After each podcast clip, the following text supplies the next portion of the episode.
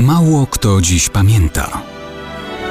Datownik historyczny prezentuje Maciej Korkuć.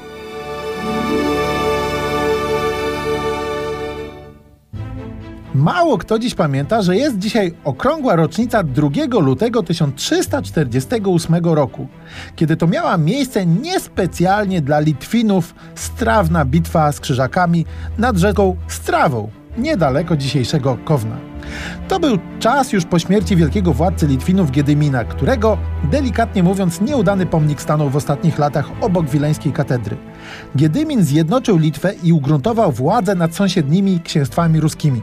Przez wiele lat Litwini pod jego panowaniem dawali sobie radę z odpieraniem ataków zakutych w zbroje rycerzy szwargocących po niemiecku. Umierając w roku 1341 Giedymin podzielił księstwo między dwóch synów.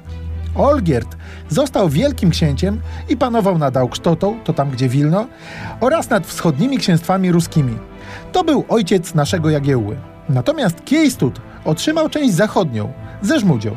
Kiejstud to tata późniejszego wielkiego księcia Witolda. No i Kiejstud sobie nad Strawą nie poradził w roku 1348. Czy dowodził osobiście, czy nie, to wtórny problem. Faktem jest, że ciężka i krwawa bitwa, mimo posiłków od Olgierda, była przegrana. Od tej pory już krzyżacy sobie coraz śmielej poczynali.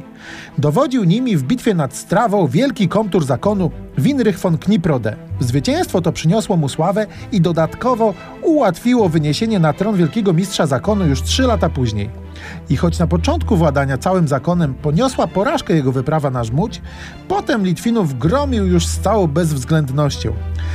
W 1360 poszedł aż pod Wilno, a pojmanego Kiejstuta osadził w lochach malborskiego zamku. To był wstęp do dalszych krzyżackich sukcesów w podbijaniu litewskiego księstwa, ale też głębokie podglebie dla rychłego związku Jagiełły Olgierdowicza z królem Polski Jadwigą Andegaweńską. I tak wiemy, co było dalej. Krzyżackie sukcesy w końcu i klęski na zakon przyniosły.